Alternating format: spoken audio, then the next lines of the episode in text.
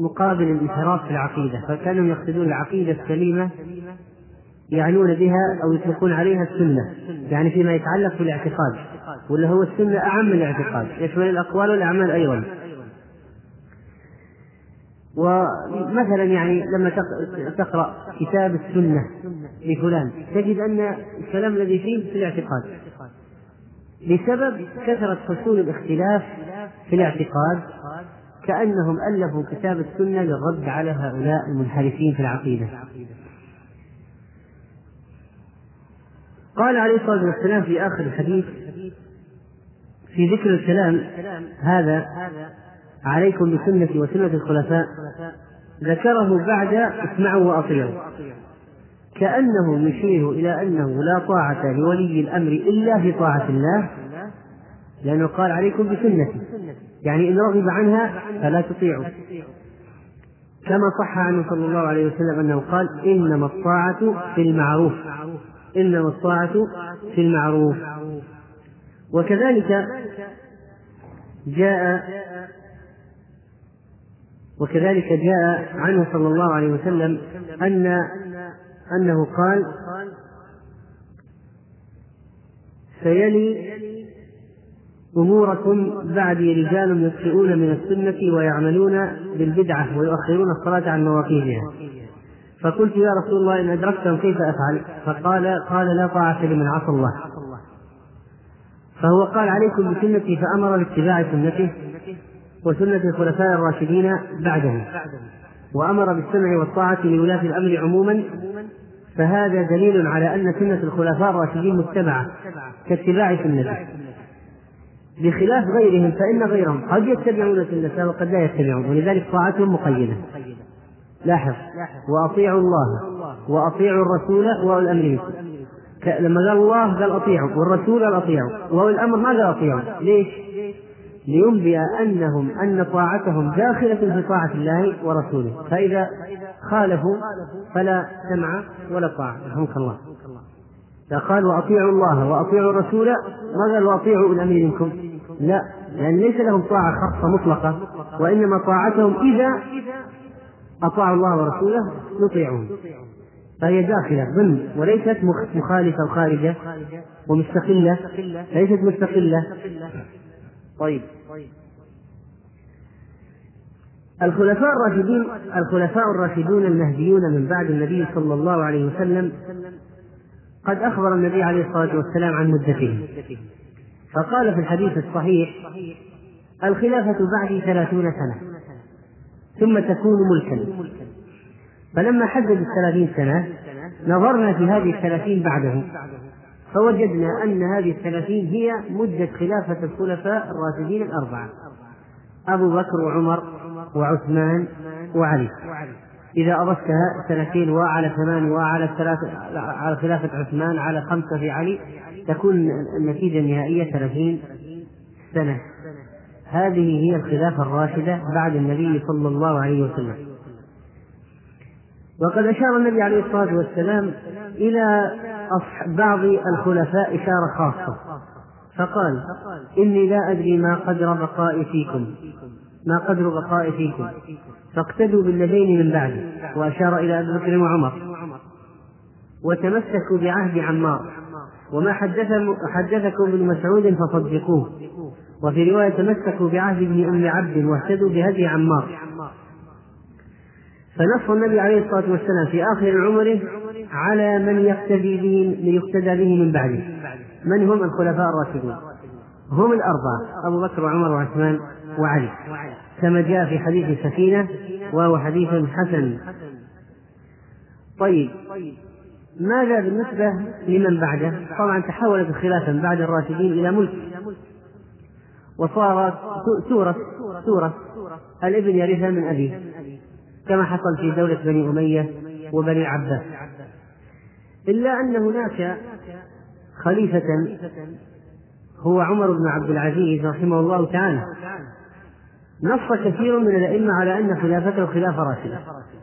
وقالوا هو خامس الخلفاء الراشدين. واستدل بعضهم بحديث تكون فيكم النبوة ما شاء الله أن تكون ثم يرفعها ثم يرفعها الله إذا شاء أن يرفعها. ثم تكون خلافة على منهاج النبوة فتكون ما شاء الله أن تكون ثم يرفعها إذا شاء الله أن يرفعها. هي خلافة الأربعة. ثم تكون ملكا عاضا ما شاء الله أن تكون ثم يرفعها إذا شاء أن يرفعها. ثم تكون ملكا جبريا أو جبرية فتكون ما شاء الله أن تكون ثم يرفعها إذا شاء أن يرفعها ثم تكون خلافة على منهاج النبوة. بعض قال هذه الخلافة الأخيرة يعني بعد الملك اللي صار قبلها هي خلافة عمر بن عبد العزيز. وقيل إنه دخل عليه دخل عليه رجل فحدثه بهذا الحديث فسر به. وكان محمد بن سيرين يسأل عن أشياء أحيانا فيقول لها عن هذا إمام هدى عمر بن عبد العزيز. طيب. وقد ثبت النبي عليه الصلاة والسلام أخبر أنه سيكون بعد 12 خليفة كلهم من قريش 12 خليفة. فهذه بشارة إلى أنه بقي خلفاء لأنك لو عدت بعد الأربعة وعمر عبد العزيز عدوا بعضهم بعض أهل العلم عد خلفاء لكن ويكون طبعا لا شك مهدي من الخلفاء هؤلاء بل هو آخرهم. فيكون يبقى هناك من الخلفاء ما من سيلي وهؤلاء الخلفاء الأربعة كلامهم له وزن خاص وحجية خاصة ليست لغيرهم.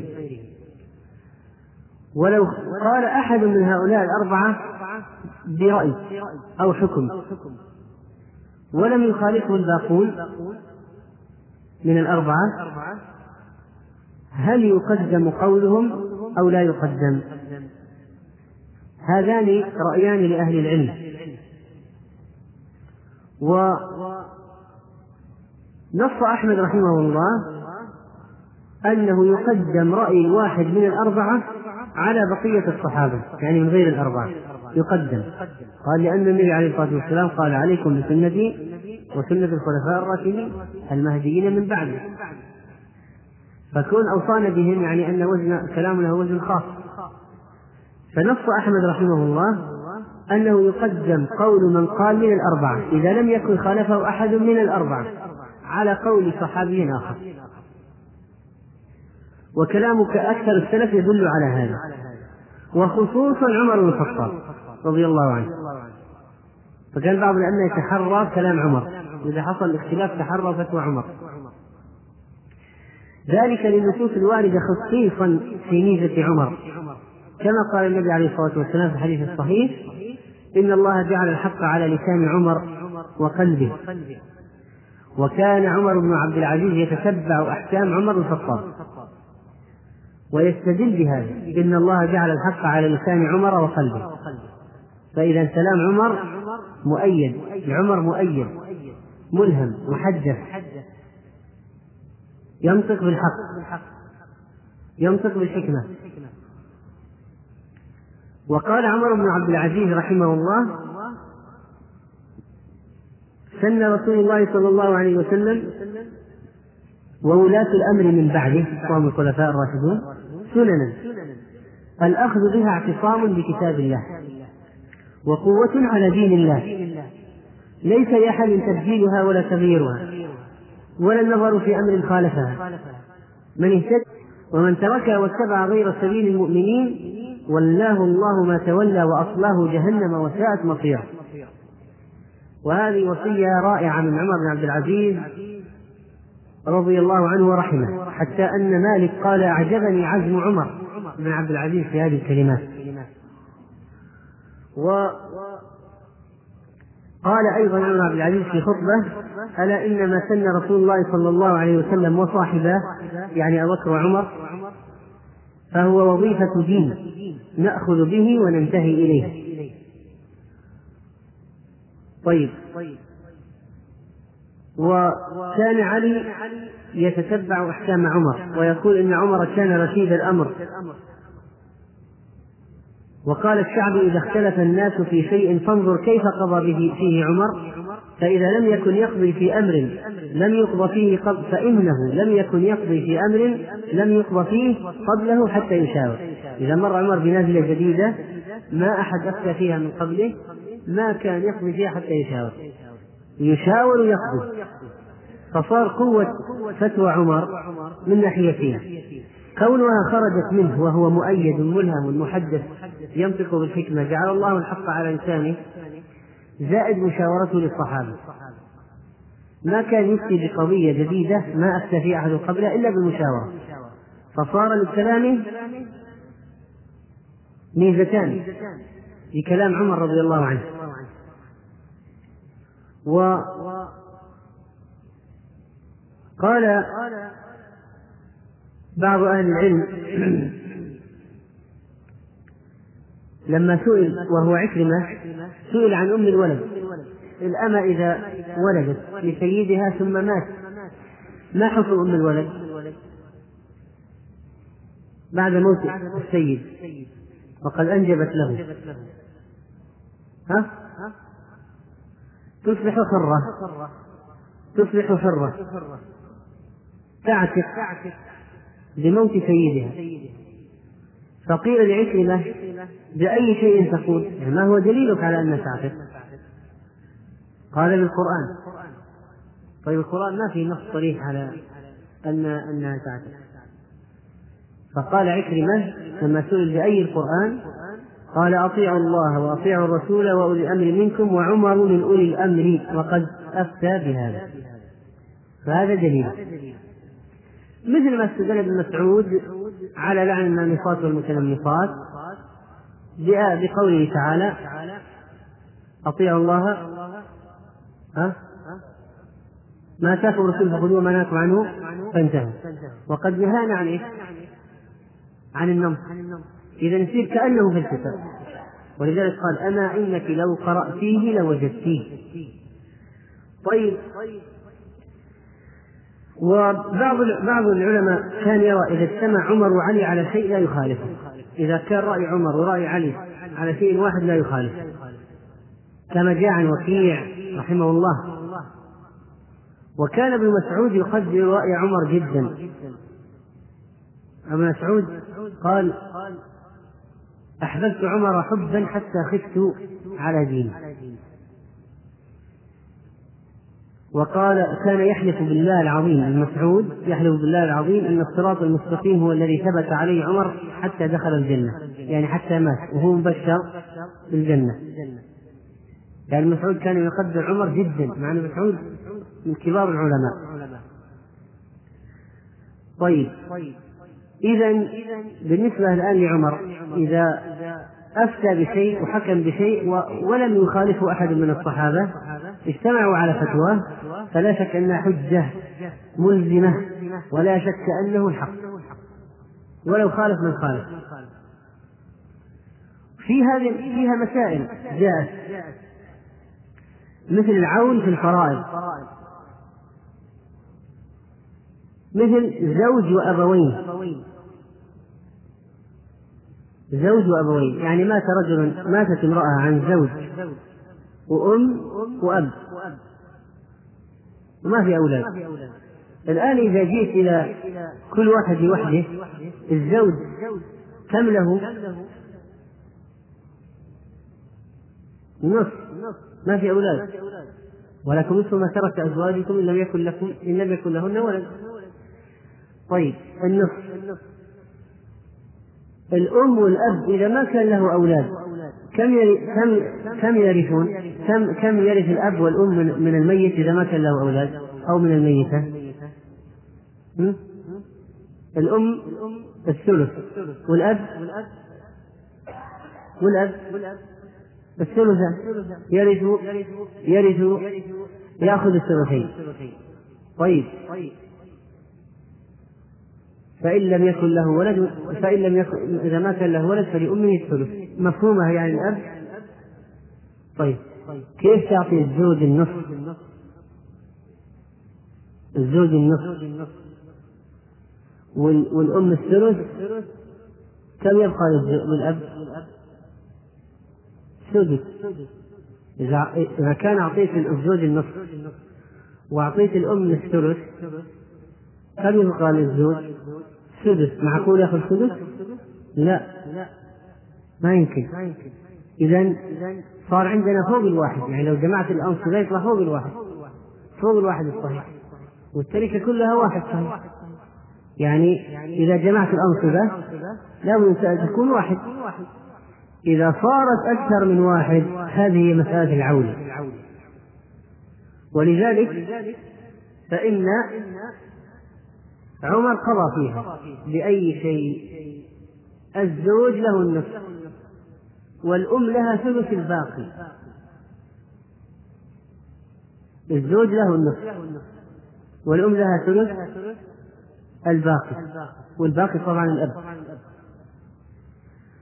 طيب وهذه وشبيهتها أبوين وزوجة. يعني هلك هالك عن أم وأب وزوجة. كم للزوجة؟ الربع. طيب وكيف نقسم الباقي؟ بهذه الطريقة.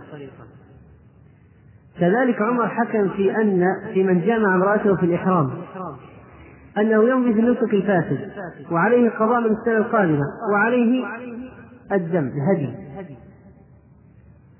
طيب.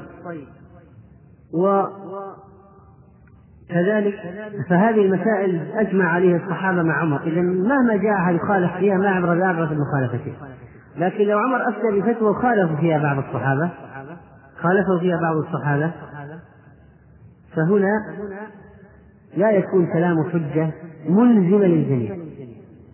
يكون حجة ملزمة فيما أجمع عليه الصحابة معه.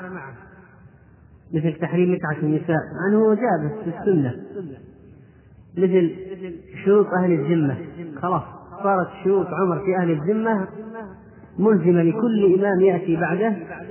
هذه شروط عمر في أهل الذمة هذه ملزمة لأن الصحابة أجمعوا معه اتفقوا معه عليها ما عارضوه. هذه شروط عمر في أهل الذمة. إذا هي ملزمة. طيب. طبعا عمر رضي الله عنه ذكرنا أن له ميزان وفيه نصوص في شأنه. بعضها مع البكر مشترك وبعضها بمفرده. ومن النصوص التي تبين تفوقه رضي الله عنه قوله عليه الصلاة والسلام في الحديث الصحيح رأيتني في المنام أنزع على قريب يعني على بئر أنزع منها.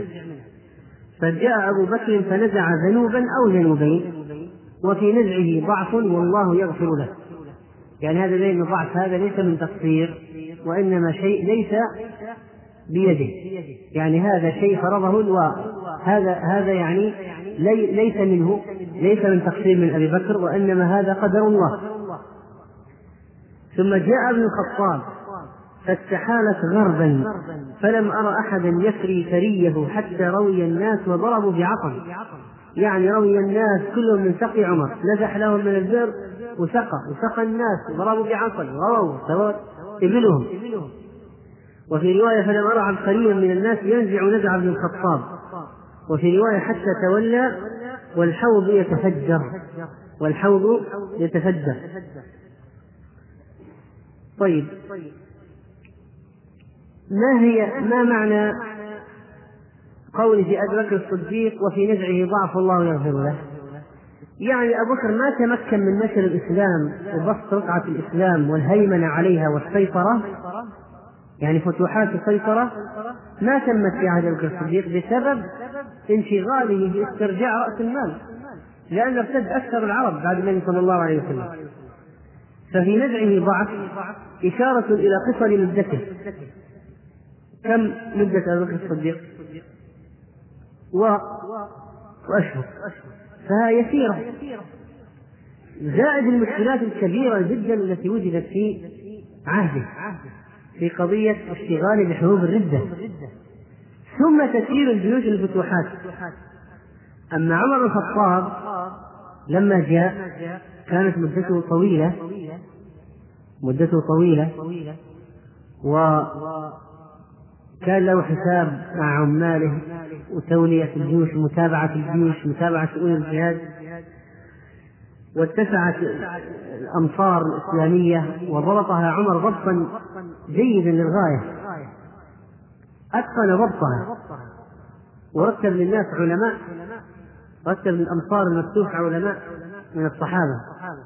فالمهم انضبطت المملكة الإسلامية في الممالك الإسلامية في عهد عمر انضباطا لا يعرف له مثيل في التاريخ. الإسلامي مطلقا. طيب. ف لم يكن يعني أبو بكر الصديق مثل عمر في هذا. هذا قدر الله. ولذلك ما كان أبو بكر متفرغ لتقرير حتى القضايا الفقهية مثل عمر. لأن الانشغال كان حاصل في مسائل حرب المرتدين. وإرسال إرسال الجيوش الإسلامية للجهاد. لكن عمر في عهده استقرت الأمور فتفرغ لنشر العلم وتكلم في قضايا كثيرة. ومن هنا حصل انتشار الإسلام في عهده وانتشار السنة وانتشار العلم. ما لم يحصل في عهد أبي بكر الصديق. ولا شك أن أبا بكر رضي الله عنه أفضل من عمر بلا نزاع. لكن كل له مزايا. هذا له مزايا وفضائل وهذا له مزايا وفضائل. طيب. الأشياء التي قال بها عمر لكن لم لم يجمع عليها الصحابة معه كان له رأي والآخرين رأي مثلا. فإنه يسوغ لمن أراد أن يخ... لمن خالف يسوغ المخالفة. فلا يكون عمر قول فلا يكون قول عمر حجة. يعني مثلا عمر رأي رأى أن من طلق بالثلاث أنه إيش؟ ملزم مبتوتة خلاص رأى الناس تساهلوا في الطلاق فكل من قال كل من طلق بالثلاث أجراها عليه ثلاث هل يلزم الناس كلهم باتباع هذا الرأي؟ ومعلوم أن مثلا الصحابة آخرين خالفوا ما صار إجماع من الصحابة. الجواب لا. عليكم بسنتي وسنة الخلفاء الراشدين المهديين. المهديين. مهديين يعني الله هداهم الحق. الراشدين المهديين. وش عكس المهديين؟ الضالين. والناس في مسألة الحق الهداية الحق يعني الهداية الحق واتباع الحق الصد عن الحق معرفة الحق والجهل بالحق على ثلاثة أنواع. مهدي. أو راشد. وغاوي راشد. وغاوي وضال. الراشد الذي هدي إلى الحق وعرفه واتبعه. طيب والضال؟ ها؟ الذي لم يعرف الحق. طيب والغاوي؟ عرف الحق؟ ونكل عنه. وصد عنه. فهذا غاوي. طيب. إبليس وش الآن؟ راشد أو غاوي أو ضال؟ ضال؟ غاوي؟ غاوي. عرف الحق. إبليس يعرف الحق ولكنه صد عنه. فهو من الغاوين. وهو رأس الغاوي قال في الحديث عليكم بسنتي وسنة الخلفاء الراشدين المهديين من بعدي عضوا عليها بالنواجذ، النواجذ هي الأضراس، معنى عضوا عليها بالنواجذ كناية عن شدة التمسك بهذا الأمر. وإياكم ومحدثات الأمور فإن كل بدعة ضلالة. طبعا إياكم هذه كلمة تحذير، انتبهوا من هذا الأمر الخطير.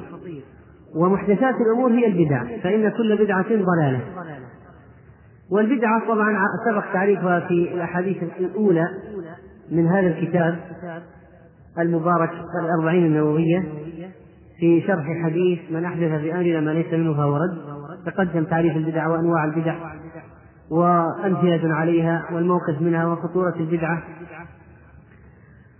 وقلنا فيه أن البدعة ما أحدث مما لا أصل له في الشريعة يدل عليه.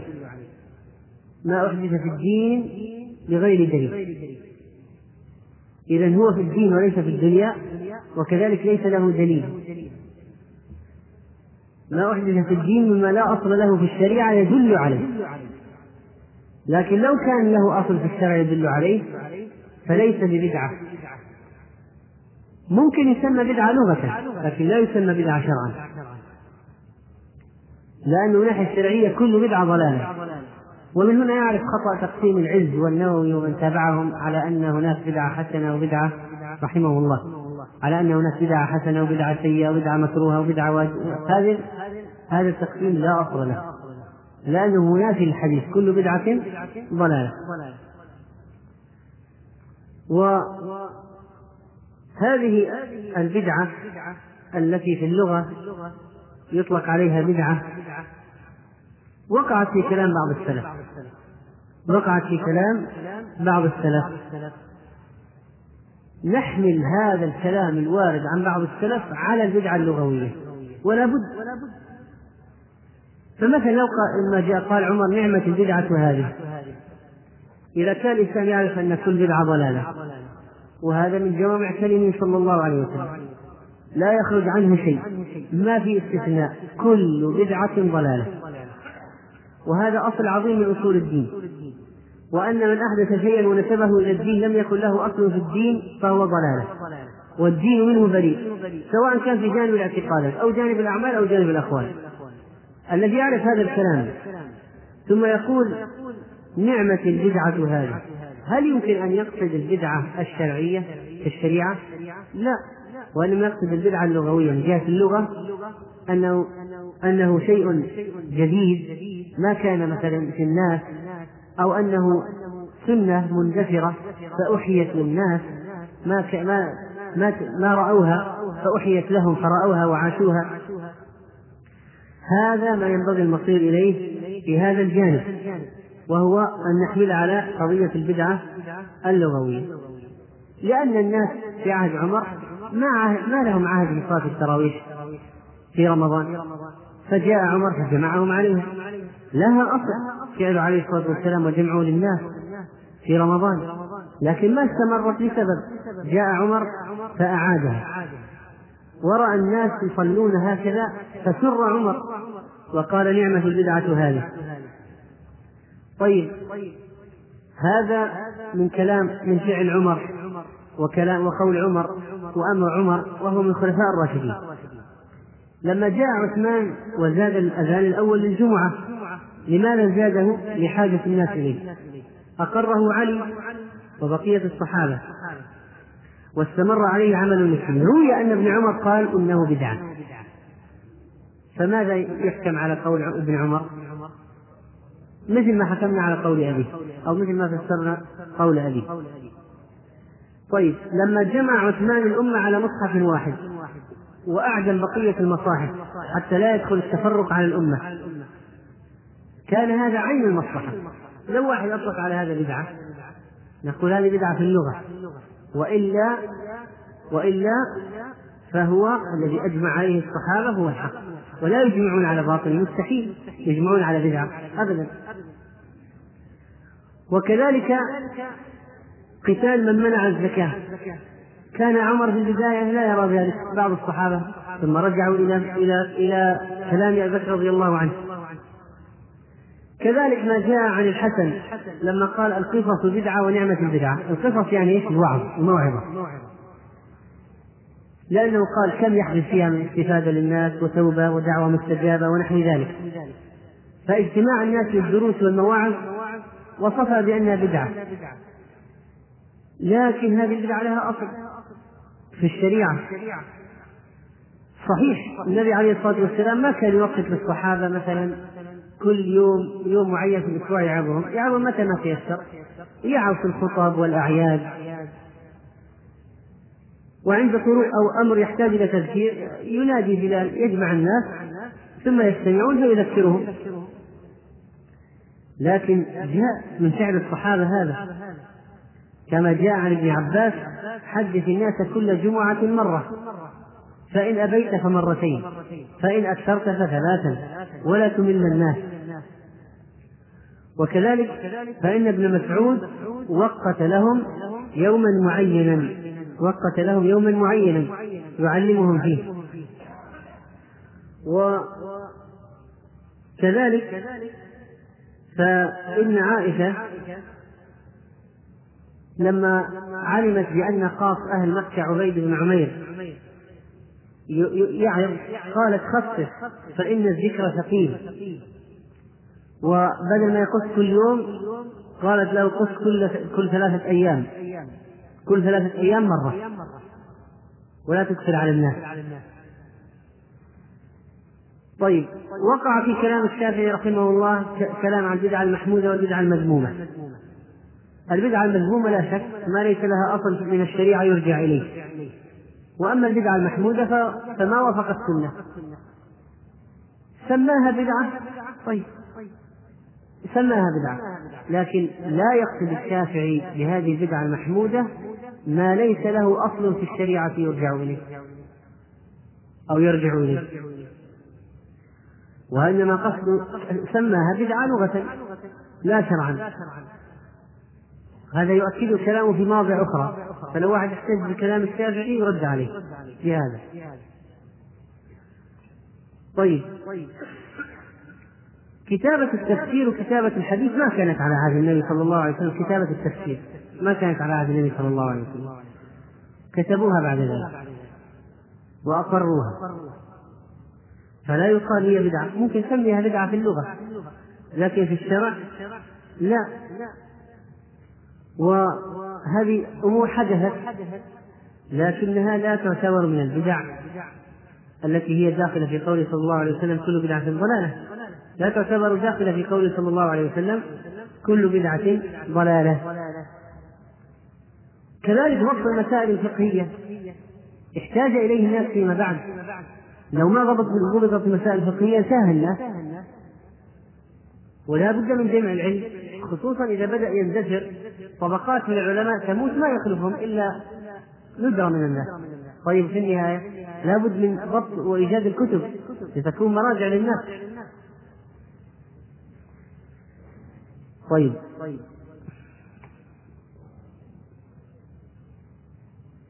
الآن ذكرنا أن البدعة تقع في المعتقدات تقع في الأعمال وتقع في الأقوال. هاتوا مثال على بدعة في المعتقدات. أيوه.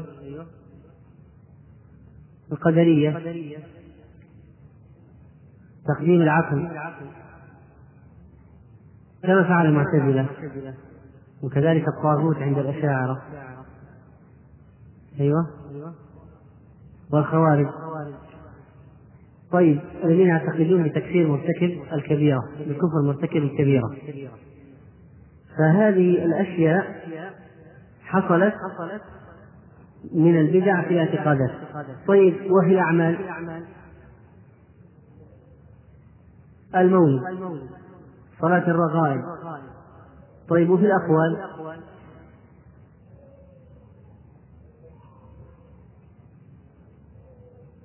الذكر الجماعي. أو أنك تأخذ أي أي ذكر من الأذكار تقيده بعدد أو كيفية أو وقت لم يرد في الشريعة وتواظب عليه يصبح بدعة. طبعا القول في العموم يدخل في العمل. القول هو عمل ولكن للتفريق بين أعمال الجوارح وأعمال اللسان. طيب فإذا البدعة تشمل كل هذه الأشياء. و الصوفية طبعا عندهم البدع كل كل أنواع البدع. ليش؟ لأن عندهم قضية الكشف والذوق. هذه أشياء اعتقاد. حدثني قلبي عن ربي. وبالكشف عرفت كذا. بالذوق عرفت كذا. طيب. وأما الأعمال يبتدعون صلوات وأشياء كثيرة. وبالأقوال لا حصر لها. فلذلك الصوفية تجد فيهم أنواع البدع ثلاثة. طيب. أيوه. إيش كان فيه؟ نعم. البدعة مكفرة غير مكفرة لها أصلا لأن هي هي هذا التقسيم طبعا اصطلاحي. لا بأس. تفنن تفنن في التقسيم لكي يضبط المسألة لأنه ينبني عليه أشياء. ليش التقسيم؟ ينبني عليه. لأن لو قلت ما حكم الصلاة وراء المبتدع؟ كيف يكون الجواب؟ فيه تفصيل. فإن كانت بدعته مكفرة كأن يعتقد بالحلول أو وحدة الوجود كل ما ترى بعينك فهو الله. أو أن الله حل في بعض المخلوقات تعالى الله عن قولهم علوا كبيرا. نعم. أو التجسيم يعني أن يد الله مثل يد البشر وإلى آخره. هذه بدعة مكثرة فمن فإذا وجدت هذا الإمام بدعة مكفرة فلا لا تجوز الصلاة وراءها البدعة غير المكفرة الصلاة وراءه مكروهة. وينبغي إزالته وإتيان بواحد من أصحاب السنة بدلا منه من أهل السنة. لكن هب أنك ما وجدت في بلد المساجد كلها أصحابها عندهم بدع لا تخرجهم عن الملة. فهل تترك صلاة الجماعة؟ كلهم يقنطون الفجر باستمرار. هل تترك صلاة الفجر في الجماعة؟ لأن كل المساجد تقنط الفجر؟ الجواب لا. لأن مفسدة ترك الجماعة أكبر من مفسدة الصلاة وراء هذا المبتدع. لأنه بلأن بدعته غير مكفرة. نعم.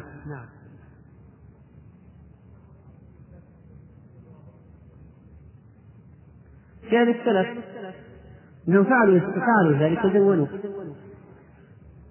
محتمل أنه أن ينقل لكن يحتاج إلى تتبع. فالله أعلم. نعم. نعم.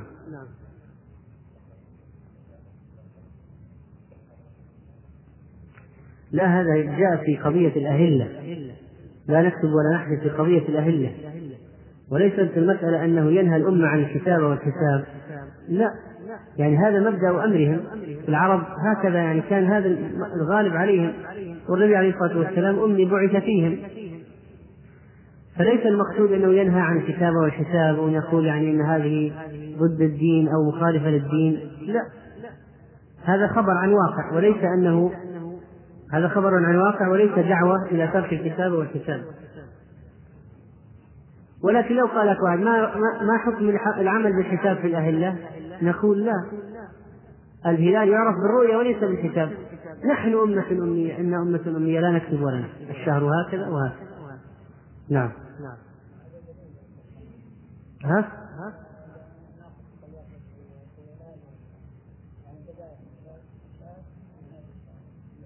إذا رأيتموه فصوموا وإذا رأيتموه فأفطروا. فعلق الحكم بالرؤية لا بالحساب ولا بالفلك بالفلكيات ولا علقه بالرؤية أي نعم.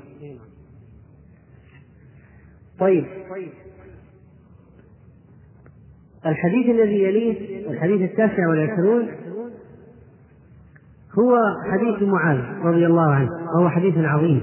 يعني فيه وصايا جليلة. الحديث التاسع والعشرون. طريق الجنة.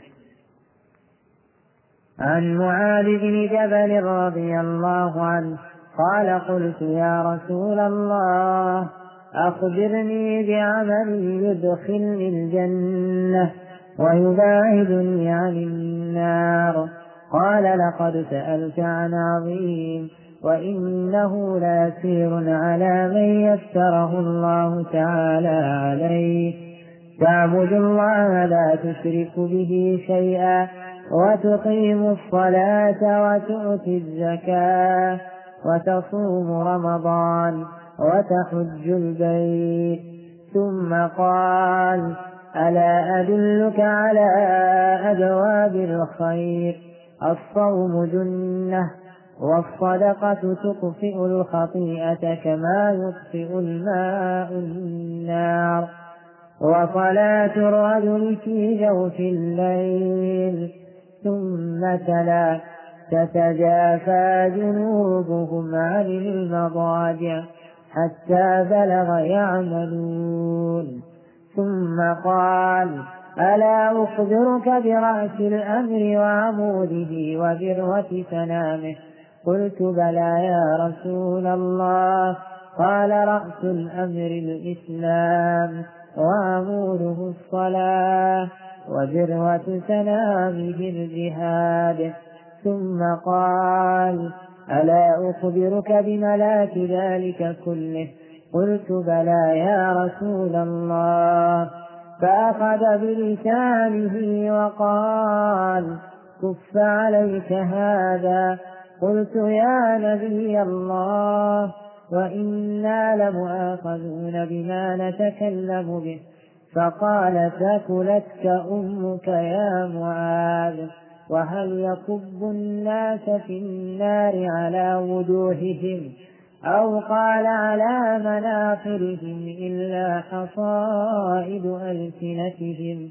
رواه الترمذي وقال حديث حسن صحيح. هذا الحديث أخرجه أحمد والترمذي والنسائي وعبد الرزاق وغيرهم رحمهم الله تعالى. والحديث هذا صحيح بمجموع طرقه. وذلك أن ابن رجب رحمه الله قد تعقب الترمذي على في قوله هذا الحديث حسن صحيح. لأن الترمذي لأن الحديث هذا روي عند عند أحمد والترمذي والنسائي بن ماجه من رواية معمر عن عاصم بن أبي النجود عن أبي وائل عن معاذ بن جبل قال الترمذي حسن صحيح. طبعا ابن رجب رحمه الله شرح سنن الترمذي شرح صحيح الترمذي. شرح نفيس جدا لكنه مفقود مع الأسف. لو هذا الكتاب موجود يعني شرح ابن رجب للترمذي كان ثالث ثلاثة كتب من الأصول أصول الشروح. فتح الباري والتمهيد بن عبد البر وشرح الترمذي لابن رجب. لو وجد هذا الكتاب كان صار بمستوى هذه الثلاث كان ثالث ثلاثة من من من أمهات الشروح لأنه ينقل عنه أشياء. في غاية الجودة. يعني لو عثرنا على الأصل كان كان يعتبر هذا فتح مبين في عالم الكتب.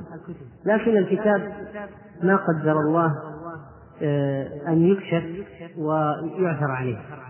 شرح الترمذي شرح ابن رجب للترمذي. حتى أنه مقدمة شرح الترمذي شرح ابن رجب لعلل الترمذي هو جزء من الكتاب الكبير وهو شرح ابن رجب للترمذي. ومن المعلوم أن ابن رجب رحمه الله هو الذي شرع في شرح البخاري صحيح البخاري وسماه فتح الباري شرح صحيح البخاري. لكن الله سبحانه وتعالى ما قدر له أن يتمه. فلذلك لما توفي جاء الحافظ حجر رحمه الله وأخذ الاسم وصنف كتابه وأتمه. فالفضل في الاسم يعني الحافظ ابن رجب رحمه الله. يعني كان ابن حجر رحمه الله لما رأى أن ابن رجب ما أتم الكتاب هو شرحه وأتمه. طبعا شرح ابن رجب نفيس يعني حتى لما تقرأ. يعني لو أنه على طريقته منهجه في جامع الامم الحكم لما يبدأ لك بالحديث بذكر من أخرجه وطرق الحديث ثم يتكلم عن درجة الحديث وعلل الحديث. علته إذا كان له علة. هذا لابد في كل حديث. هل عن علة أن وجدت؟ ويذكر صحته ويذكر صحة كثير من هذه التي يستشهد بها. ثم أن شرحه في الآيات والأحاديث وكلام السلف. ما تجي فيه فلسفة ولا منطق ولا كلام يعني فارغ إلا إذا أراد أن يشير إلى شيء يرد عليه. وهو وهو سلفي العقيدة وهذه ميزته مع أنه من المتأخرين. وهو تلميذ لابن القيم رحمه الله. ابن رجب من تلاميذ ابن القيم رحمه الله. فلذلك فهو جامع بين سلفية العقيدة والاعتناء آه، بالحديث. وقوة الفقه فيه قوة في الفقه. وهو كذلك من ميزات ابن رجب رحمه الله آه، الرفقة والاعتناء بأعمال القلوب. والاعتناء بأعمال القلوب. ولذلك شرح الأجزاء المفردة هذه انتقاء مثل حديث ما جئبان شائعان حديث وكتاب الخشوع في الصلاة وكتاب. هذا يدل على اعتناء بقضية أعمال القلوب. هو فقط العلم الجامد أو العلم الجاف. لا وإنما علم يبعث في النفس الحركة ويثير الكامل فيها لأجل النشاط في العبادة وترك المعاصي والإقبال على الطاعات. عليه حال هذا الرجل لا شك أنه رجل عظيم. وقلنا الآن هذا تعقب ابن رجب رحمه الله للترمذي في قوله حسن صحيح لماذا تعقبه؟ لاحظ معي الآن السند. يقول معمر عن عاصم بن أبي النجود عن أبي وائل عن معاذ بن جبل. معمر عن عاصم بن أبي النجود عن أبي وائل عن معاذ بن جبل. قال ابن رجب رحمه الله قال ابن رجب رحمه الله فيما قاله يعني الترمذي حسن صحيح نظر من وجهين. أحدهما أنه لم يثبت سماع أبي وائل من معاذ. وإن كان قد أدركه بالسن يعني أبو وائل كبير وممكن أنه يلحق معاذ يدرك معاذ بسهولة يعني من ناحية السن. لكن كيف عرف أنه ما سمع منه؟ هذا من دقته رحمه الله من بليغ معرفته أو من بالغ معرفته بالرواة وتاريخ الرواة. فإنه يعرف أن معاذ كان بالشام. وأبو وائل بالكوفة. ولم يثبت أن أبا وائل ذهب إلى الشام ولا أن معاذ ذهب إلى الكوفة. فكيف يروي أبو وائل عن معاذ؟ شوف معرفة بلدان الرواة ورحلات الرواة وتاريخ الرواة في الوفاة هذا مهم جدا. ومن هنا اكتشف ابن رجب العلة. لو أنت تبحث الآن تقول أبو وائل من جهة السن معاصر معاصر لمعاذ. لو تبحث الآن كما ذكرنا المرة الماضية يقول الذين يشتغلون. على يصححون على تقريب التهذيب إذا جاء الطبقات يجد أن أبا وائل يسمع يعني مثله يسمع من معاذ. يعني متعاصرين في عصر واحد منهم. لكنه من دقته يعلم أن أبا وائل في الكوفة ومعاذ بالشام ولم يذهب معاذ إلى الكوفة ولم يذهب أبو وائل إلى الشام. إذا كيف سمع منه؟ إذا هذا انقطاع. ولم يصح له سماع منه. فتوقفوا في سماع أبي وائل أو نفوه. فلذلك هي علة في السند. ونعم. من هو الناقل من هو؟ من هو؟ من هو الواسطة ما ندري ما ندري. هذه هي القضية. طيب. طبعا هناك يعني هذا علم. أقول هذه هذه قضية الأسانيد. الأسانيد هذا علم.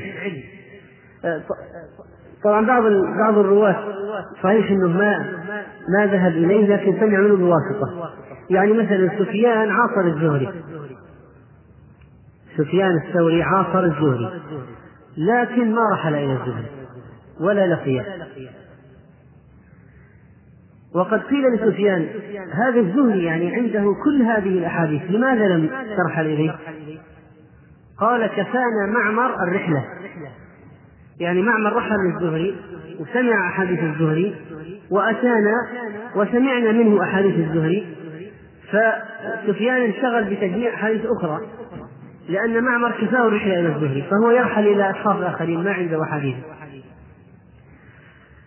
مع أنه كبير سفيان الثوري كبير يعني من كبار في السن يعني من المتقدمين يعني يلحق لحق الزهري وعاصر الزهري لكن ما سمع منه مباشرة وإنما سمع منه بواسطة أو ما ذهب إليه وإنما سمع منه بواسطة معمر.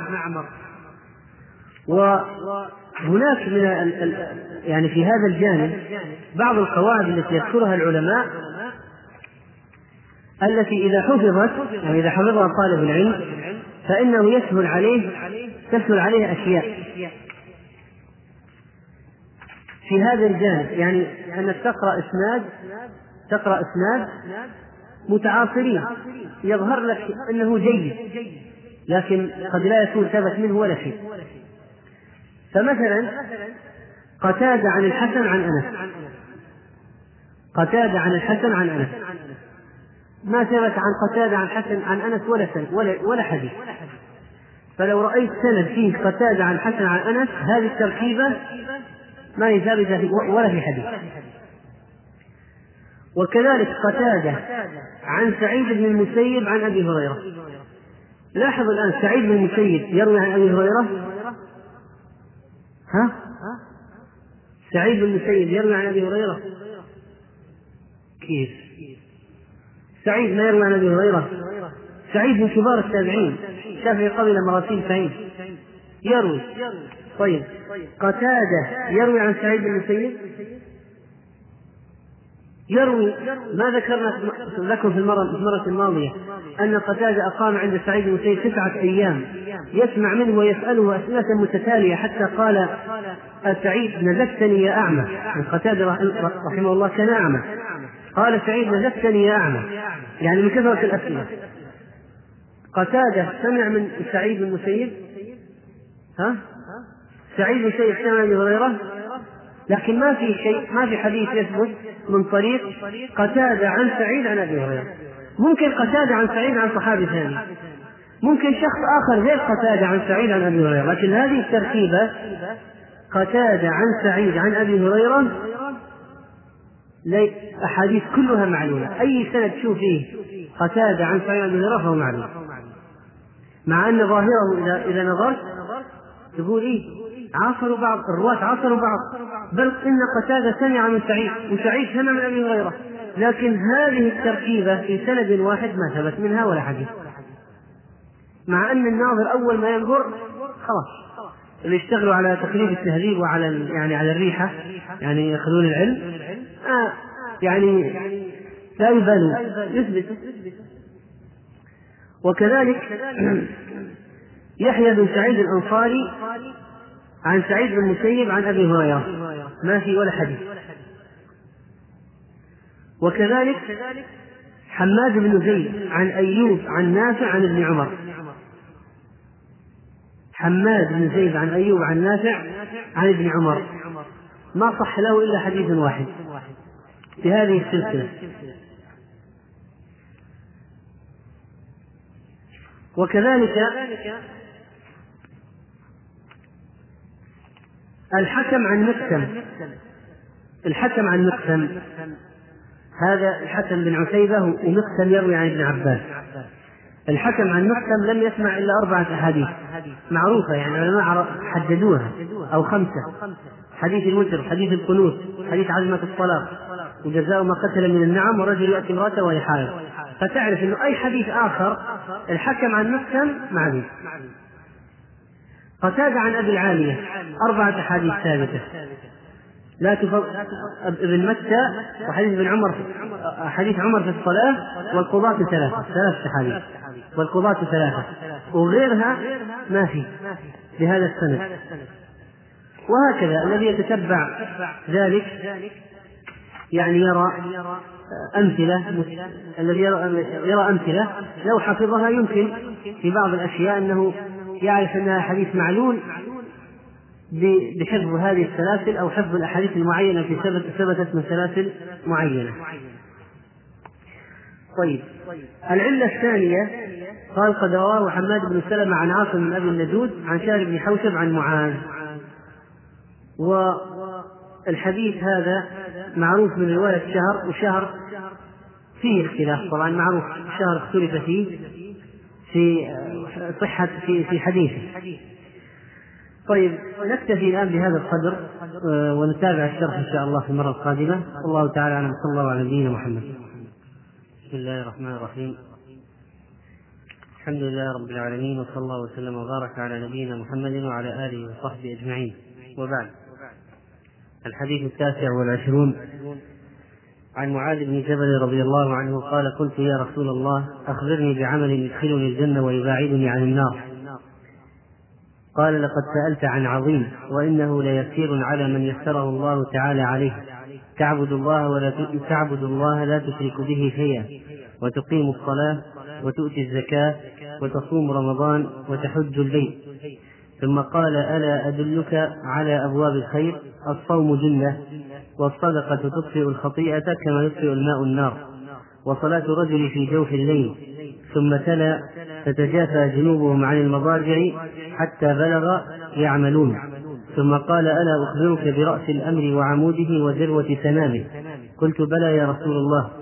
قال رأس الأمر الإسلام وعموده الصلاة.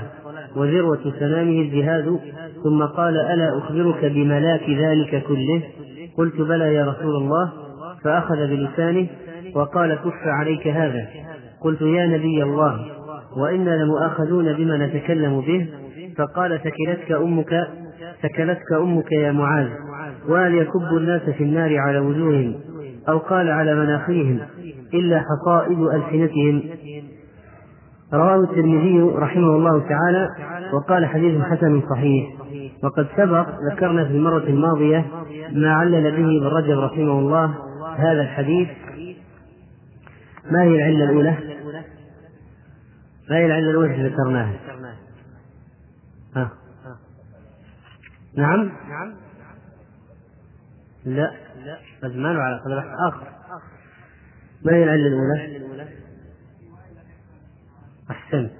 أن هذا الحديث قد جاء من طريق أبي وائل عن معاذ عند الترمذي وغيره. عند الترمذي وغيره قد جاء من حديث أبي وائل عن معاذ وقلنا إن أبا وائل لم يسمع من معاذ. والعلة الثانية طبعا الطريق هذا الطريق الكامل عند أحمد والترمذي والنسائي بن ماجه معمر عن عاصم بن أبي النجود عن أبي وائل عن معاذ. العلة الثانية أنه قد رواه حماد بن سلمة بدل معمر عن عاصم بن أبي النجود عن شهر بن حوشب عن معاذ. عن شهر بن حوشب عن معاذ. بدل من شهر بدل من من الإسناد الأول؟ بدل من أبي وائل. بدل أبي خرجه الإمام أحمد مختصرا. قال الدار قطني وهو أشبه بالصواب وهو أشبه بالصواب لأن الحديث معروف من رواية شهر على اختلاف عليه فيه. يعني الحديث هذا المعروف أنه من رواية شهر. من غير طريق شهر هذا غير هذا أقل هذا أقل في أقل أقل في في الورود. الأشهر أنه من رواية شهر. طيب هل سمع شهر من معاذ؟ شهر بن حوشب سمع من معاذ؟ الجواب لم يسمع يقينا ثم إن شهر رحمه الله مختلف فيه فبعضهم يوثقه وبعضهم يضعفه ثم إن هذا الحديث قد جاء من رواية شهر بن حوشب عن عبد الرحمن بن غنم عن معاذ بن جبل فصار في واسطة بين شهر بن حوشب وبين معاذ وهذا الاختلاف هذا الاختلاف يعتبر علة. و فمرة فهو المشهور عن شهر. ثم تجد في سنة شهر عن معاذ. وسنة شهر عن عبد الرحمن عن معاذ. فهذا الاختلاف يوجد علة. طيب قول الدار قطني هذا أشبه أو هذا أشبه بالصواب. والمحد... بعض المحدثين يقول أحيانا هذا أشبه بحديث فلان. يعني أن هذا هذا يليق يناسب أن يكون من حديث فلان لا من حديث فلان. من حديث شهر لا من حديث لا من حديث أبي وائل. كيف يعرف المحدثون هذا؟ هذا شيء أيضا مما يكتسب بالتجربة والممارسة. ولذلك قال ابن رجب رحمه الله قاعدة مهمة حذاق النقاد من الحفاظ حذاق النقاد من الحفاظ ليس الحفاظ ولا النقاد فقط. حذاق النقاد من الحفاظ لكثرة ممارستهم للحديث ومعرفتهم بالرجال وأحاديث كل واحد منهم. يعني الآن تجد تجد المحدث كبار الحفاظ هؤلاء النقاد منهم يقول لك أحاديث شعبة كلها.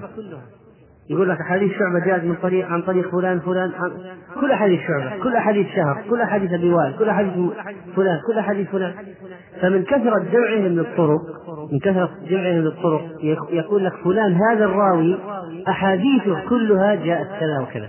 يعني كأنك أدخلت الأسانيد كلها في جهاز هذا كمبيوتر وبعدين كل الأسانيد اللي في الكتب بعدين ضغطت شهر. يطلع لك كل الأسانيد اللي فيها شهر. هذا من غير كمبيوتر. يعرف هذا. يعرف أحاديث الشهر كله وأحاديث أبي معاذ أحاديث أبي وائل وأحاديث فلان. كلها. متفور مستحضر. أو يعني الذي استطاع أن يجمع منها وهو كثير وبالتالي فهو يستطيع أن يميز هذا الحديث. هذا الحديث من طريق من طريق فلان ولا من طريق فلان. قال حذاق النقاد من الحفاظ لكثرة ممارستهم للحديث ومعرفتهم بالرجال وأحاديث كل واحد منهم. لهم فهم خاص بهم ليس لغيرهم. لهم فهم خاص يفهمون به. أن الحديث يشبه حديث فلان ولا يشبه حديث فلان. فيعللون الأحاديث بذلك. طبعا هذا ليس على إطلاقه في تفصيل لكن من أسباب العلة أن تجد المحدث الثقة الحاذق الناقد البصير يقول لك هذا يشبه حديث فلان ولا يشبه حديث فلان. طيب و وقال رحمه الله تعالى وهذا مما لا يعبر عنه بعبارة تحكره. يعني لو قلت له أعطيني تعريف لحديث يشبه حديث فلان لا يشبه حديث فلان وإنما يرجع فيه إلى أهله يرجع فيه أهله إلى مجرد الفهم والمعرفة. الذين خصوا بها على عن سائر أهل العلم كما سبق ذكره في غير موضع. في غير موضع سبق ذكر هذا هذا الدقة. أنه هذا قضية ما لا قواعد ليست مثل الرياضيات. واحد زائد واحد يساوي اثنين. لا هذه قضية تعود إلى الفهم والممارسة والحذاقة في الفن والتجربة وطول طول الخبرة فيه. طول الخبرة. خذ أمثلة مثلا ما يقولون. طيب قال سعد بن سنان يروي عن أنس ويروي عنه أهل مصر. قال أحمد تركت حديثه. حديثه حديث مضطرب. وقال يشبه حديثه حديث الحسن لا يشبه أحاديث أنس. ومراده أن الأحاديث التي يرويها هذا الرجل هو سنان بن سعد أو سعد بن سنان على خلاف اسمه التي يرويها عن أنس مرفوعة تشبه كلام الحسن البصري أو مراسيله وليست من كلام وليست من كلام النبي صلى الله عليه وسلم. وهكذا. وهذا على أي حال؟ هذا كثير. و أمثلته متعددة. نرجع إلى حديثنا نحن الآن. حديثنا هذا قد ورد من من رواية قد ورد من طرق كثيرة متعددة. وذكر ابن رجب رحمه الله هنا له هاتين العلتين ثم شرع في شرح الحديث. الحديث هذا له طرق متعددة وقال الشيخ ناصر في السلسلة الصحيحة بعد أن ذكر طريق أبي وائل عن معاذ وما أعله به من الانقطاع ابن رجب وغيره والمنذري قال لكن الحديث صحيح بمجموع طرقه. ولا سيما هذا القدر منه بحفظ اللسان. وهو آخر الحديث له طرق أكثر. فالحديث الخلاصة إذا هذا حديث معاذ الذي نحن معنا الآن. وإن كان في هذه العلل لكن صحيح بمجموع طرقه. لأن هذا له عدة طرق. له عدة طرق. و يعني جاء عند ابن أبي شيبة رحمه الله جاء عن ميمون بن أبي شبيب جاء عن عن طريق عبد الرحمن بن غنم غنم غنم عن معاذ. جاء من طريق ميمون بن أبي شبيب عن معاذ. جاء من طريق عبد الرحمن بن غنم عن معاذ. اخرجه أحمد والطبراني. وكذلك جاء من حديث أبي وائل عن معاذ. وأخرجه الترمذي وابن ماجه وغيرهم كما مر معنا الآن. وجاء من حديث أبي سلمة عن معاذ. وأخرجه الطبراني وغيره. وجاء من حديث مكحول عن معاذ أخرجه ابن حبان وغيره. وجاء من حديث عروة بن النزال عن معاذ أخرجه أحمد وغيره. وجاء من حديث عطية بن قيس عن, عن, عن معاذ أيضا ومن طريق معين بن وهب عن معاذ ومن أبي أبي عمرو الشيباني عن معاذ. وطريق أبي عمرو الشيباني عن معاذ هذه أخرجها الطبراني وقد يكون هذه الطريق هي أصح الأسانيد لهذا الحديث. يعني ليس هناك نقد مباشر على هذا الطريق. يعني لو أردت أن تصحح الحديث من هذا الطريق يمكن أن يصح. أنه قد لا يوجد له علة من هذا الطريق. وغير معاذ هذول تلاميذ معاذ الذين ذكرناهم. أو من روى من روى الحديث عن معاذ جاء الحديث عن معاذ من هذه الطرق. جاء الحديث ما فقط عن معاذ جاء من طريق أبي هريرة من طريق أبي ذر رضي الله تعالى عنه من طريق أبي اليسر وهو صحابي من طريق عباد بن الصامت. طيب فهذه الطرق كلها تدل على أن الحديث هذا له أصل صحيح أصل أن هذا الحديث صحيح. فالحديث الخلاصة صحيح بطرقه. طيب. الحديث فيه أخبرني بعمل يدخلني الجنة ويباعدني من النار. السؤال ممن؟ من؟ معاذ. أخبرني بعمل يدخلني الجنة ويباعدني من النار. مر معنا حديث مشابه في السؤال. فما هو هذا الحديث؟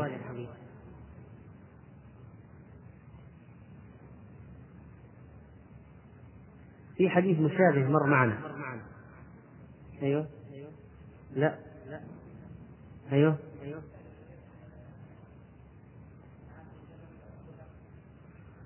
إيش الحديث؟ لا.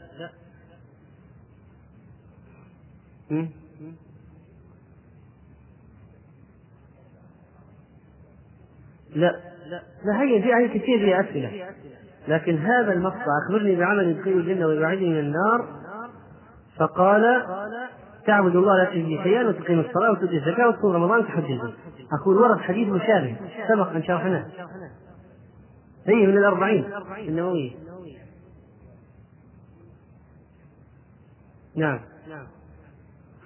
الأعرابي الذي أتى إلى النبي صلى الله عليه وسلم وإذا أردتم نراجع نص ذلك الحديث الذي جاء وهو الحديث الثاني والعشرون. من هذا الكتاب. اقرأ نص الحديث.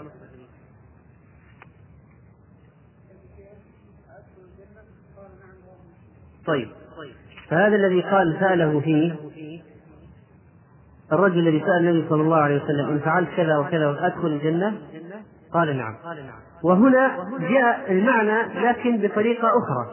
معاذ سأل النبي صلى الله عليه وسلم أخبرني بعمل يدخل الجنة ويبعدني من النار؟ فكان الجواب تعبد الله لا تشرك به شيئا وهذا من شهادة لا إله إلا الله وتقيم الصلاة وتؤتي الزكاة وتصوم رمضان وتحج البيت. هذا يدخلك الجنة ويبعدك من النار. وذكرنا في شرح الحديث الثاني والعشرين هناك أن هذا مقيد بإيش؟ يعني الذي يفعل الأركان هذه يدخل الجنة؟ ما يدخل النار؟ هذا مقيد بإيش؟ بالبعد عن المحرمات. ولذلك لا يدخل النار. إذا فعل هذه الأشياء وترك المحرمات لا يدخل النار. ولاحظ أن الأحاديث يفسر بعضها بعضا. فإذا أخذت ذلك الحديث وطرق الحديث التي ذكرناها مع هذا الحديث أيضا لأنه قال أخبروني بعمل يدخل الجنة ويباعدني من النار. فإذا هنا لما تجمع الأحاديث مع بعضها يتبين لك المعنى. واحد قام بهذه الأشياء لكن ما عنده منكرات أخرى وسيئات كثيرة جدا أكثر من ثواب هذه الحسنات. وإلا صار ما صار دخل النار. اذا الناس الذين يتذرعون يقولون نحن نقول بأركان الإسلام الخمسه وندخل الجنة. مهما فعلنا وشربنا وسكرنا وزنينا وف... فنقول لا ليس بصحيح. اجمعوا أحاديث النبي صلى الله عليه وسلم يتبين لكم متى تدخلون الجنة وتتباعدون من النار و وهذا الحديث قال أخبرني بعمل أخبرني بعمل يدخلني الجنة الأعمال هل تدخل الجنة؟ أعمال العبد هل تدخل الجنة؟ أعمال العباد تدخل الجنة؟ كيف لا؟ لماذا يكون الجنة؟ يعني نقول الجواب فيه تفصيل ما ما يطلق الجواب إن كان الكلام هو أن الأعمال تدخل الجنة بمفردها أعمال العبد كافية لدخول الجنة بمفردها هذا خطأ وإن لا يدخل الجنة. لا يدخل الجنة بأعماله بمفردها وإنما لابد أن يكون رحمة الله وفضله حتى يدخل الجنة. وإن قال إنسان أن خلاص يعني الأعمال هذه ما لا بدون أعمال يدخل الجنة. يقول لا. الأعمال سبب لدخول الجنة. الأعمال سبب لكن لا تساوي. يعني لو قال هل يستحق دخول الجنة بعمله؟ هل يستحق دخول الجنة بعمله؟ لا. لكن لا بد منها لأن العمل سبب لدخول الجنة. الأعمال سبب لدخول الجنة. سبب. يعني بسبب العمل ندخل الجنة. بسبب العمل. ليس أن العمل لوحده يؤهل الإنسان ويستحق الإنسان بالأعمال دخول الجنة. لا. لكن بسببها يدخل. ولذلك قال الله سبحانه وتعالى وتلك الجنة التي أورثتموها بما كنتم تعملون. فالأعمال الصالحة سبب لدخول الجنة. أما أن بمفردها يدخل بها لا. ويدل على ذلك قوله صلى الله عليه وسلم لن يدخل أحد منكم الجنة بعمله. فإذا العمل بمفرده لا يستحق الإنسان لولا أن الله بفضله ورحمته يدخله الجنة. لكن فضل الله ورحمته لمن؟ للكسالى بدون أعمال؟ تأتيهم الفضل والرحمة؟ لا. هذا هو. و ولذلك فإن فضل الله يتبين ويتجلى تأمل الآن هو الذي دلنا على سبل الدخول. يعني لولا أنه أنزل علينا الكتاب وأرسل إلينا الرسول ما عرفنا كيف ندخل الجنة أليس كذلك؟ فالطرق هو الذي بينها لنا. ولولا بيانه ما عرفنا كيف. ثانيا هو الذي وفقنا لعمل الصالحات ويسرها لنا وأعاننا عليها. ولولا تيسيره ولولا تيسيره وإعانته ما عملناها. وبعد ذلك أعطانا بهذه الأشياء التي هو يسرها وهو علمنا إياها وهو بينها لنا وهو أقدرنا عليها ووفقنا إليها فضل ورحمة زيادة وأدخل وأدخل الجنة. فإذا إذا يتبين هنا فضله سبحانه وتعالى. كيف يعني أن الأسباب وهذه الأسباب التي تدخل الجنة هو الذي بينها لنا وهو الذي يسرها لنا. فكل دخول الجنة وأسباب الدخول كلهم فضل من الله. ويتبين بذلك أنه ليس للعبد فضل. في النتيجة أنه ليس للعبد فضل. هو العبد مطالب يجب أن يعمل ويطيع قوله صلى الله عليه وسلم لقد سألت عن عظيم. لقد سألت عن عظيم. يعني لا شك أن هذا دخول الجنة وبعد عن النار هذا ليس أمر سهل. بعض الناس يقول هذا كلام معروف. يقولون عظم كلام غريب جديد. هذا كلام معروف. ندخل الجنة ونبعد عن النار. لكن النبي عليه الصلاة والسلام أراد أن يقول له إن سؤالك عظيم. لا فاجعله في نفسك كبيرا. اجعل السؤال هذا له وزن كبير. لقد سألت عن عظيم. ما بعد دخول الجنة والمباعدة عن النار شيء؟ وش بعده هذا أعظم شيء أعظم شيء. أن يدخل الجنة ويبعد عن النار. ولذلك لما الصحابي واحد من الصحابة أعرابي وكان يصلي وراء معاذ وكان معاذ يعود من عند النبي صلى الله عليه وسلم يصلي العشاء مع النبي عليه الصلاة والسلام ويعود إلى قومه فيصلي بهم العشاء ويطيل بهم وقد يقرأ البقرة. ومرة جاء أعرابي كان متعبا. أو جاء رجل يعني شاب آه، متعبا من العمل. آخر النهار جاء مع معاذ وإذا بمعاذ يتأخر عليهم ولما تأخروا جاء أطال الصلاة فالرجل انسحب. فاتهمه معاذ بالنفاق وقال معاذ لأرفعنك إلى النبي عليه الصلاة والسلام والرجل قال وأنا لأرفعن أمرك النبي عليه الصلاة والسلام فاختصم عنده صلى الله عليه وسلم. فالنبي عليه الصلاة والسلام لام معاذا وقال له أفتان أنت يا معاذ؟ أكفيك أن تقرأ بسبح الغاشية و... ثم التفت إلى الغلام. التفت إلى الغلام.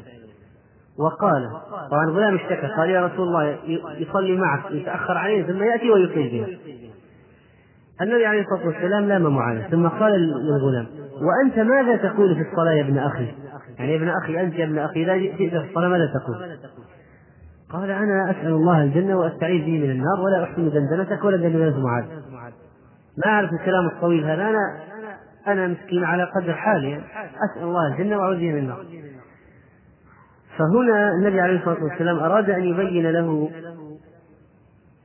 أن هذا الكلام أن تقول أسأل الله الجنة وأعوذ من النار هذا ما هو كلام لا تستهون لا تستهين به وتستقله. هذا هذا هو هذا هو الأصل المدار الأشياء كلها. ولذلك قال له حولها ندندن وفي رواية هل تصير دندنتي ودندنة معاذ إلا أن نسأل الله الجنة ونعوذ به من النار؟ لكن أنت تقولها مباشرة ونحن نقول أشياء لكن غرضنا منها من هذه الأشياء والأدعية التلاوة الكثيرة أن ندخل الجنة ونبتعد عن النار. فإذا المقصود أن هذا شيء عظيم دخول الجنة وابتعاد عن النار شيء عظيم وأن الإنسان إذا سأل ربه هذا يعتبر أنه سأله أمرا عظيما. إذا قال اللهم أدخلني الجنة وباعدني من النار يعتبر هذا دعاء عظيم. لا ينبغي الاستهانة به ولا أن يستقله الشخص أو يتقاله. قال وإنه لا يسير على من يسره الله عليه. وإنه ليسير على من يسره الله عليه. اليسير هذا الأعمال هذه. يسير على من؟ على من يسره الله للهدى فاهتدى. ولذلك إذا ما يسره ما يستطيع أن يعمل شيء بل إنه سينتكس. ويصبح في أسفل سافلين ولكن الله ييسر لمن؟ لمن أعطى واتقى وصدق بالحسنى فسنيسره لليسرى. ويحرم التيسير من؟ الذي بخل واشتغل وكذب بالحسنى نحرمه من اليسرى ونيسره للعسرى.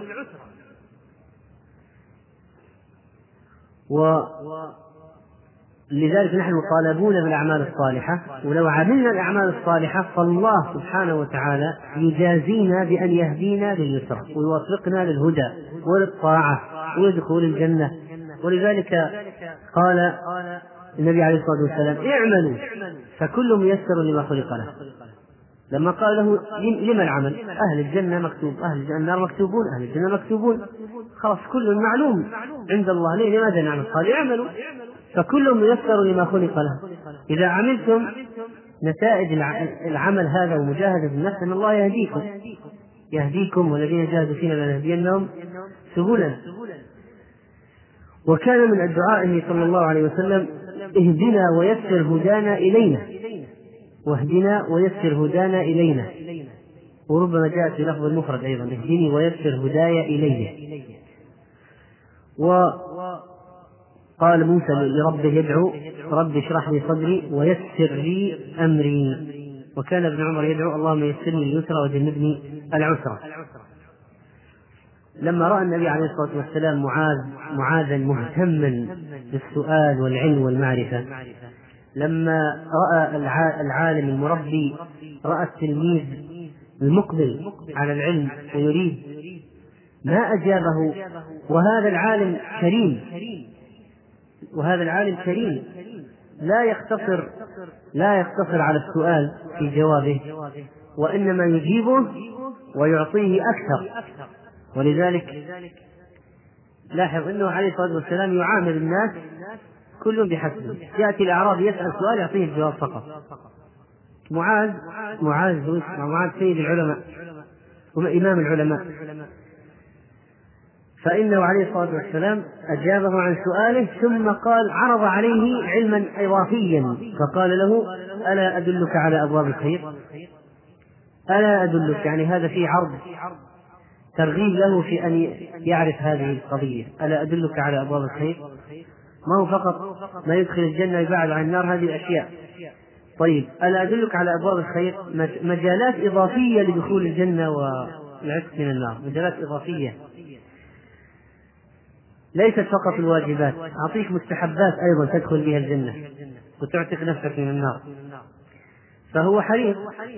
ولذلك جاء في الرواية بلى يا رسول الله. كما جاء بعد ذلك بلى يا رسول الله. ألا أدلك على أبواب الخير؟ الصوم جنة. الصوم جنة. طيب. الصوم الصوم لا شك أن فضل الصوم عظيم. ما معنى جنة؟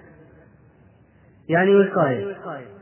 من أي شيء يقي ها؟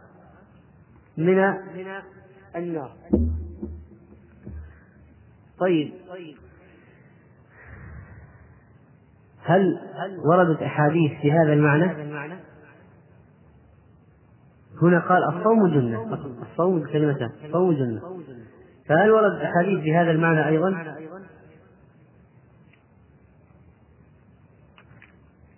الجواب قد وردت فهات.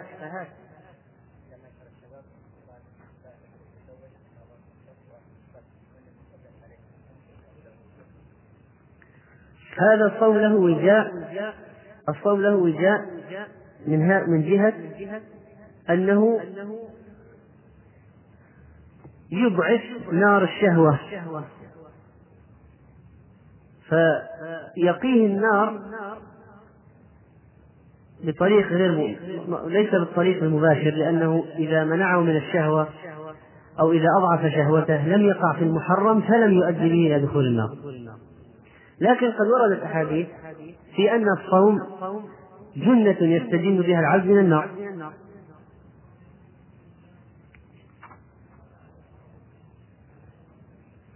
أحسن. هذا أيضا بعد الله بينه وبين النار سبعين خليفة. حر بعد بينه بين وجهه وبين النار. سبعين خريفا وكذلك فإنه صلى الله عليه وسلم قد ذكر آه، في حديث يعني يذكر في هذا أن أن الصوم الصوم الصيام جنة ما لم يخلقها ما لم يخلقها رواه أحمد والنسائي. وهذا الحديث ضعيف. لإشارة فقط. وأيضا جاء عند الطبراني عن أبي هريرة مرفوعا الصيام جنة ما لم يخلقها قيل لما يخلقه قال بكذب أو غيبة. وهذا ضعيف جدا وذكره الشيخ ناصر في ضعيف الجامع هو والأول والذي قبله. لكن المعنى صحيح. إنه جنه وأن هذه هذا الستر وهذا الترس الذي يتقي به إذا كان مخروقا لا ينفع. فيخرق بأي شيء؟ بالآثام والذنوب. وهذا موجود في كلام السلف. ولذلك قالوا الغيبة تخرق الصيام والاستغفار يرفعه فمن استطاع منكم أن لا يأتي بصوم مخرق فليفعل. فمن استطاع منكم أن لا أحد فمن استطاع منكم أن لا يأتي بصوم مخرق فليفعل.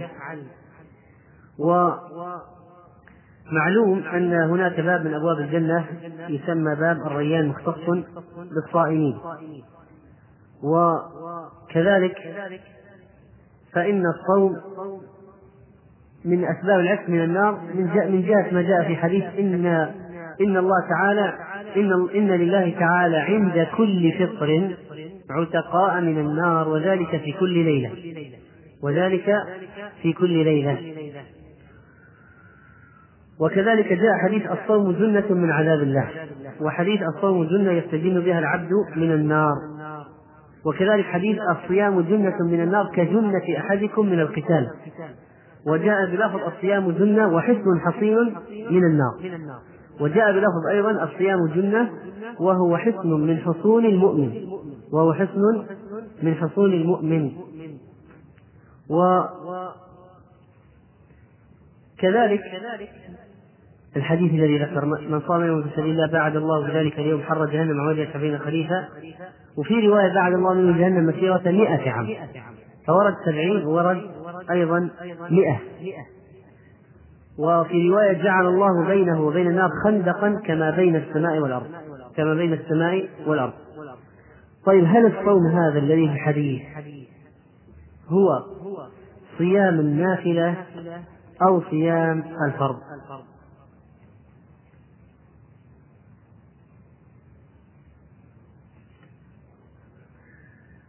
أيهم؟ هل هو صيام النافلة أو صيام الفرض؟ ها؟ نعم. عام. ألا أدلك على الخير؟ قال الصوم جنة يعني إذا هو عام. طبعا هو ذكر قبله إيش؟ الصيام.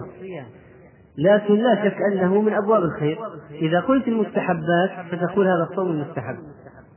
لكن الصوم الذي يستجيب به العبد من النار يشمل الصيام الواجب. لا شك أن الصيام الواجب من اعظم أعظم في في اتقاء النار الصيام الواجب في اتقاء النار أعظم من الصيام المستحب. أليس كذلك؟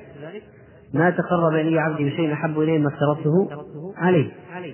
فلا شك أنه سبب أقوى وذلك أيضا سبب آخر. وسبب آخر. طيب. أما من جهة الأشياء التي يصومها أو يعني النوافل التي يصومها العبد. يمكن أن يصوم العبد بخلاف رمضان فإنها كثيرة. وقد مر معنا سابقا صيام عاشوراء وصيام عرفة وصيام المحرم وصيام الاثنين والخميس وصوم يوم افطار يوم وأيام البيض وثلاث أيام من كل شهر على من على من رأى أنها يعني غير البيض والصوم من سرر الشهر. السرر قيل الوسط من السرة وقيل آخر الشهر. أو أول. طيب. وغير هذا؟ ستة شوال بعد رمضان. وصيام أكثر شعبان. وصيام كل المحرم إذا أراد. وصيام في عشر ذي الحجة جاء أيضا أنه كان يصوم. وهي من الأعمال الصالحة التي تقرب إلى الله تقرب بها إلى الله. في تلك في تلك الأيام. فهذه من الصيام النافلة. هذا من صيام النوافل التي الذي جاء. طيب كيف يكون وقاية من النار؟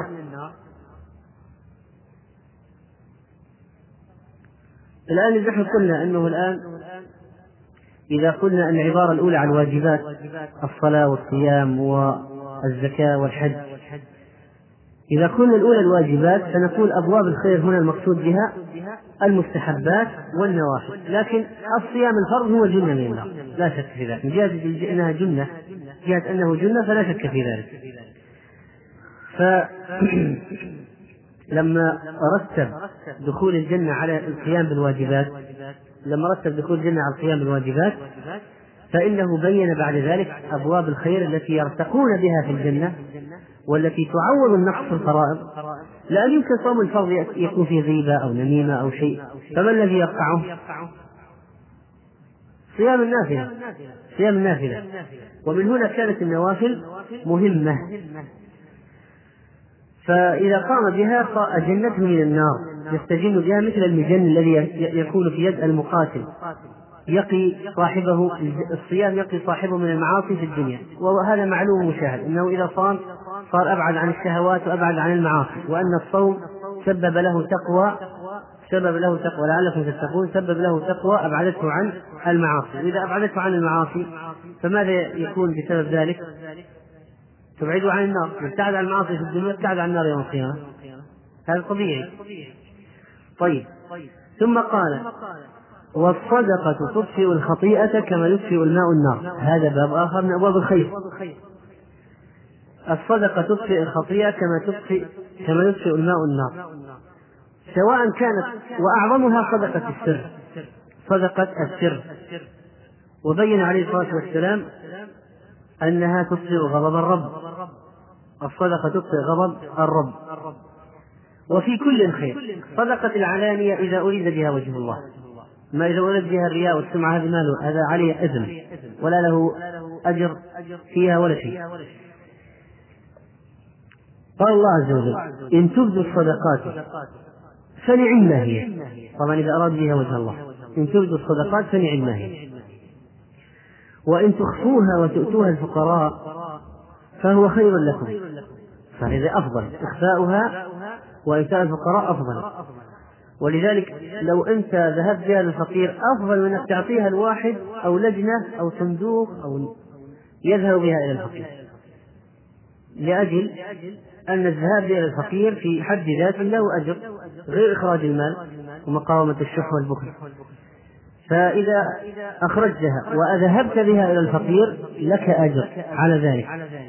وإن تخفوها وتؤتوها الفقراء فهو خير لكم ويكفر عنكم من سيئاتكم. فتكفير السيئات هو واضح إنه ارتبط بالأخير وهو إيش؟ إخفاءها والذهاب إلى الفقراء. ولكنه قد يقال أيضا أنه يعم كل ما سبق الآية سواء أظهرتموها أو أخفيتموها فإنها تكفر عنكم سيئاتكم. تكفر عنكم سيئاتكم. وسبق ذكرنا بعض الأحاديث في فضل الصدقة وأن الله سبحانه وتعالى يربيها لصاحبها ويأخذها بيمينه وأنه عليه الصلاة والسلام قال كل امرئ في ظل صدقته حتى يقضى بين الناس فالصدقة لها ظل من تقي من شمس الموقف الحارة التي تكون قريبة من رؤوس العباد التي تكون قريبة من رؤوس العباد. ولذلك فإن السلف رحمهم الله كانوا يكثرون الصدقة وحالهم في هذا عجيب. يعني كما قيل عن حسن بن حسين بن علي رضي الله تعالى عنه أنه كان يخرج بصدقته في جوف الليل يخرج بصدقته في جوف الليل. وكان أبو مركز رحمه الله لا يخطئ يوم إلا تصدق فيه بشيء ولو كعكة أو بصلة. و هذا يقول هذا حال السلف في إخراجهم للصدقات ثم أرشد صلى الله عليه وسلم إلى أمر آخر من الأمور التي من أبواب الخير وهو قيام الليل. قال وصلاة الرجل في جوف الليل. يعني أنها تطفئ الخطيئة. صلاة الرجل في جوف الليل. مثل الصدقة. أما قيام الليل فإن بعض العلماء يرى أنه أفضل النوافل على الإطلاق لأنهم تنازعوا. هل الأفضل السنن الرواتب أم قيام الليل؟